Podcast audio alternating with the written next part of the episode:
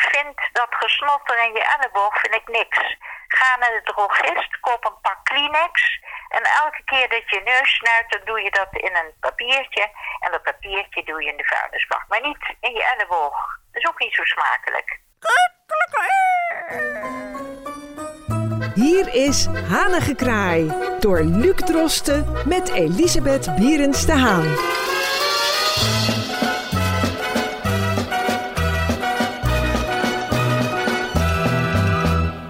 U luistert naar Hanige Kraaien en vandaag uh, hebben wij een medische insteek. Want mevrouw Bierens de Haan, het is het najaar en dat betekent dat we uh, sowieso ons kunnen voorbereiden op weer eventueel een griepgolf. Of op in ieder geval erg veel snotterende en verkoude mensen.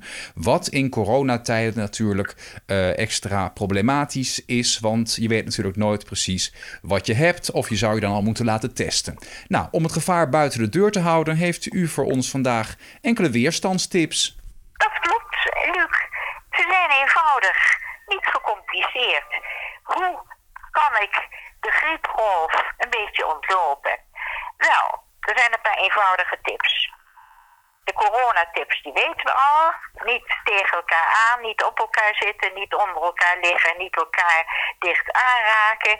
Allemaal op afstand. Eh, afstand, de Duitse afstand vind ik de beste. Dat is twee meter, niet anderhalf en twee meter. Dan verder hoe kunnen wij de eenvoudige griep ontlopen? Dat is ook eenvoudig, is niet zo moeilijk, door hygiënisch te zijn. Dus um, ik vind dat gesnotter in je elleboog vind ik niks. Ga naar de drogist, koop een pak Kleenex en elke keer dat je neus snuit, dan doe je dat in een papiertje. En dat papiertje doe je in de vuilnisbak. Of dat doe je in de container. Waar dan ook. Maar niet in je elleboog. Dat is ook niet zo smakelijk. Ik vind het idee helemaal niet smakelijk. Dus Kleenex doos. Of een, een Kleenex pakje. In, in je rugzak. Klaar is Kees. En het zal de kop niet kosten. Verder vind ik een uh, hygiënisch uh, leefpatroon. Vroeg op, vroeg naar bed.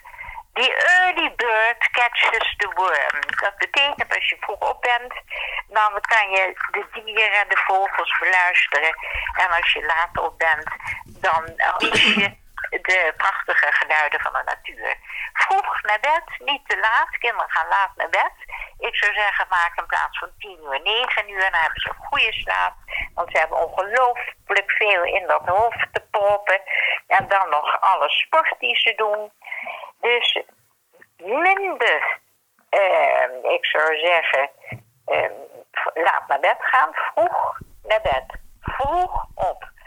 Hygiënisch leven. Genoeg slaap. Wassen, dat hoort ook al bij corona. Ja. Heeft u ook nog dezelfde uh, ervaring met heilzaam werkende voeding? Bepaalde voeding die men in het najaar in het bijzonder tot zich moet nemen? Ja dat heb ik wel. Veel, heel veel groente eten.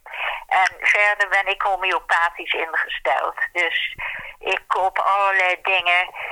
Um, arnica en alle kruiden en toestanden. Ik heb een boekenkast vol op dit gebied. En dan sla ik het dus even op en dan denk ik, wacht eens even, het wordt oktober. Ik ga zorgen dat ik dit in huis heb. Dit lijkt me heel goed. Een calendula voor dit. En um, dus dat is mijn visie.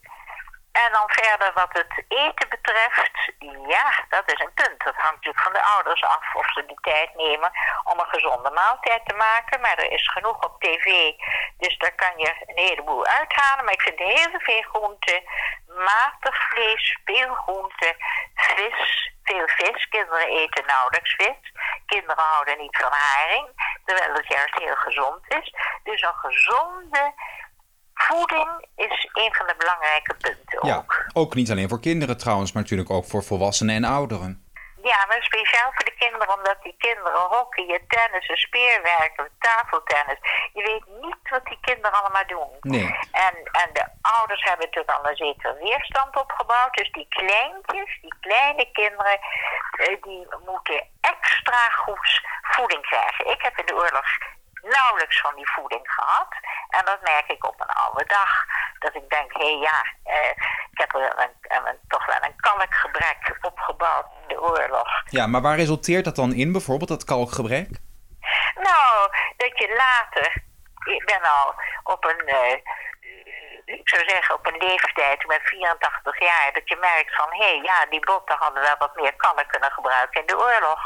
Maar er was geen kalk en er, waren, er, was, er waren geen vruchten. Nee. Maar wat er wel was bij de boer, knollen, en er werden uit land gehaald en, en uh, bieten, suikerbieten. Ja. Elke dag hadden we suikerbieten bieten, en daar kreeg je dan een prettige diarree van. Dus dat in de oorlog was voor iedereen de voeding een heikel iets. En daarom nu in deze kunnen we zeggen, let goed op. Uh, vraag raad aan een diëtiste en die kan het je allemaal vertellen. Ja. Dus voeding, slaap, uh, en niet te veel klef tegen elkaar aan. Dat is helemaal niet goed. Ook als de corona voorbij is. Dat kleffen gedoe. En dat is allemaal helemaal niet goed. Minder manische uitspatting op lichamelijk gebied. Ja, um, uh, dan nog eventjes uh, uw eigen slaap. Uh, u pleit dus voor genoeg slaap. Hoe lang slaapt u zelf ongeveer per nacht, mevrouw Bierenstaan? Acht uur. Ja, en heeft u een vaste tijd waarop u naar bed gaat? Ja, elf uur. Elf uur. En dan ja. gaat u s ochtends om 7 uur weer op? Ja, 7 uur half acht. Ja. Krijgt u ook zelf... elke dag. Ja, dat zorgt ook voor ritme. Ja. En... Ritme in het leven is echt een juist woord. Dat moeten we ook niet vergeten. Ritme in het leven. Rust, reinheid, regelmaat. Rust, ritme, een, een mooi rustig denken. Niet de hele dag dat kind opjagen van hot naar her. Maar dat kind en ook de mens zelf rust. En daarom zoekt men natuurlijk yoga en alternatieve methodes om tot rust te komen. Maar dat kan je zelf heel goed doen. Ja. Je neemt een kop thee en je neemt er iets bij en dan ga je even in, de stoel rustig mediteren. En even overdenken wat was er vanmorgen, wat was er vanmiddag. Dus dat gehoor en gevlieg, daar ben ik totaal op tegen. Ja. Krijgt u ook zelf ieder jaar de griepprik? Ja, dat doe ik zeker.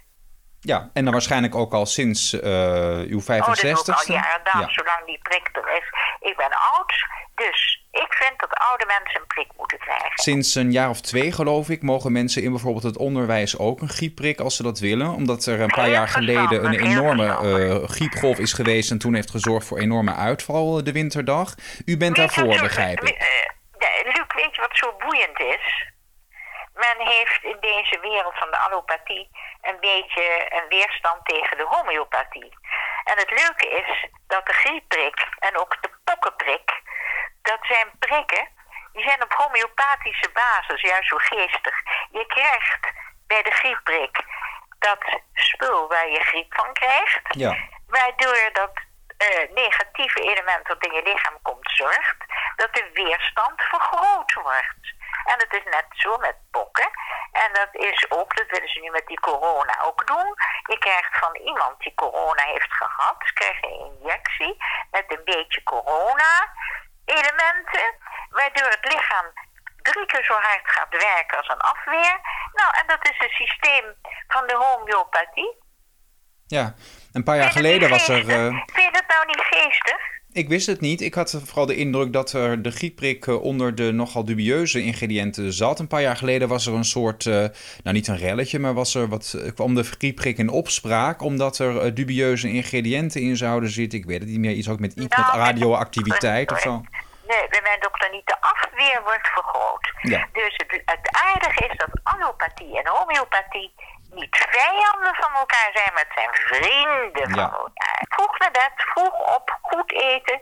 Niet elkaar de hele tijd zoenen en, en, en door de haren. Ik had een, een, een- ik kwam een, ja, die jongen stond voor de deur hier de hele tijd door zijn haar te gaan, met zijn hand door zijn haar. Ik zeg, jongen, waarom doe je dat? Dat doe ik toch ook niet? Ja, dat weet ik ook niet. Ik zeg, dat moet je niet doen. Dat is gewoon een tik die je hebt. En dat is ook niet hygiënisch. Het is niet hygiënisch. Dus die hygiënische regels in acht nemen. En dan wordt risico op griep enzovoort wordt minder of niet heel. Nou, dat eh, staat genoteerd. Nou, mevrouw Bierens de Haan, wij hopen dat eh, menige griep kan worden voorkomen door deze tips. En eh, die mensen die eh, eventueel de tips ter harte nemen en daar ook de weldaden van ondervinden, mogen uiteraard contact opnemen om over dat succes te schrijven. Door een mail te sturen naar hanigekraai.amsterdamfm.nl. Een e-mailadres dat overigens ook nog steeds open staat, mochten mensen hun stem willen laten analyseren door mevrouw Bierens de Haan. Eh, volgende week zijn we er weer, mevrouw Bierens de Haan. Dus ik zou zeggen, tot dan. Eh, Luc kom je weer toe. Ja, tot volgende week. Tot volgende week, Luc. Wilt u reageren? Mail naar hanigekraai.amsterdammefm.nl en uw bericht komt terecht bij mevrouw Berends de Haan.